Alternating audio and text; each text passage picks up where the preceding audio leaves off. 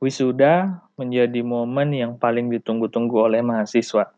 Ujung dari perjalanan panjang menempuh pendidikan di perguruan tinggi. Sekaligus juga gerbang menuju universitas kehidupan yang sebenarnya. Tapi sayangnya tidak semua mahasiswa itu mempersiapkan sebaik-baik bekal menuju kehidupan setelah dunia kampus.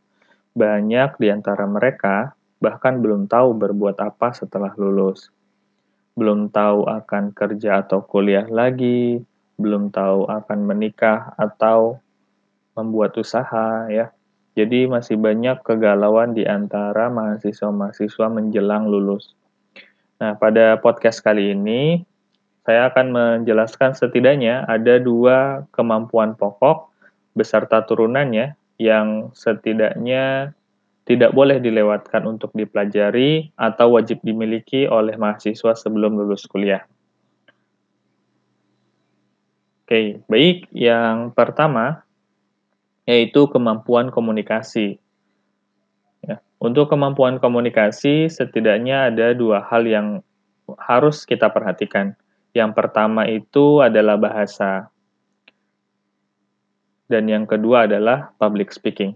Nah, untuk bahasa, Suka tidak suka, mau tidak mau, kelak kita akan dituntut untuk bisa berbahasa asing, utamanya bahasa Inggris. Nah, menyambut menuju uh, era society 5.0 ini, kita dituntut mampu berbaur dengan masyarakat dunia. Dan tidak mungkinlah kita bisa berbaur tanpa menggunakan bahasa internasional. Maka, sebelum lulus kuliah, setidaknya kita bisa menggunakan bahasa Inggris untuk percakapan sehari-hari. Nah, kemudian yang kedua yaitu public speaking. Nah, hal ini juga penting untuk dipelajari karena banyak orang yang pandai dalam pikirannya tapi kurang pandai melisankannya. Padahal satu ide itu akan tersampaikan dengan baik, maksud dan tujuannya jika cara menyampaikannya jelas dan juga baik. Nah, oleh karena itu, kita perlu mempelajari public speaking sebelum kita lulus kuliah. Karena nanti uh, dalam dunia pekerjaan juga kita tidak akan lepas dari namanya melakukan presentasi, uh, melakukan public speaking di depan uh, kan di depan teman-teman kantor atau juga atasan dan juga klien. Oke. Okay? Nah, kemudian untuk kemampuan yang kedua yang harus dimiliki sebelum lulus yaitu kemampuan teknologi ya, informasi dan teknologi atau IT. Nah, ada beberapa item yang harus dipelajari sebelum lulus.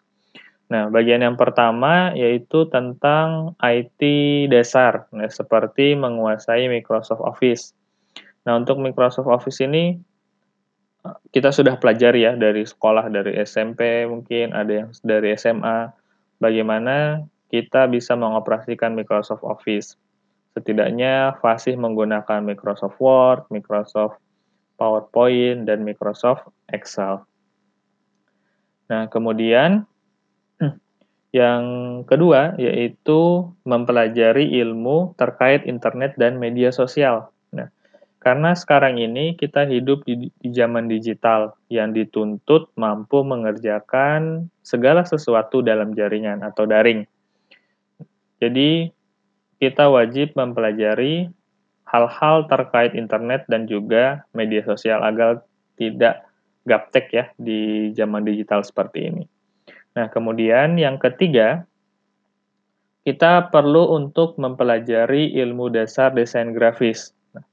Percayalah, di mana pun kalian berada, apa pun profesi kalian, entah nanti menjadi guru, bisnismen, karyawan, atau bahkan ibu rumah tangga, kelak kemampuan ini akan berguna, ya. Jadi, entah nanti akan membantu dalam pekerjaan atau juga dalam usaha, kita wajib belajar untuk uh, ilmu-ilmu dasar dalam desain grafis. Nah, yang terakhir, kemampuan IT lanjut ya. Kemampuan IT lanjut itu yang seperti apa ya? Kemampuan IT lanjut yang dimaksud adalah tentang uh, coding ya, ilmu tentang bahasa teori pengkodean ya yang menggunakan berbagai bahasa pemrograman. Ini akan menjadi nilai tambah yang lain dalam pekerjaan karena di zaman yang serba digital ini orang-orang yang memiliki kemampuan lebih dalam penggunaan bahasa pemrograman di bidang IT itu dihargai lebih ya dalam pekerjaannya. Oke, kurang lebih itu dulu yang bisa dibagikan pada podcast kesempatan kali ini. Semoga bermanfaat. Sampai ketemu lagi di podcast lainnya. Bye.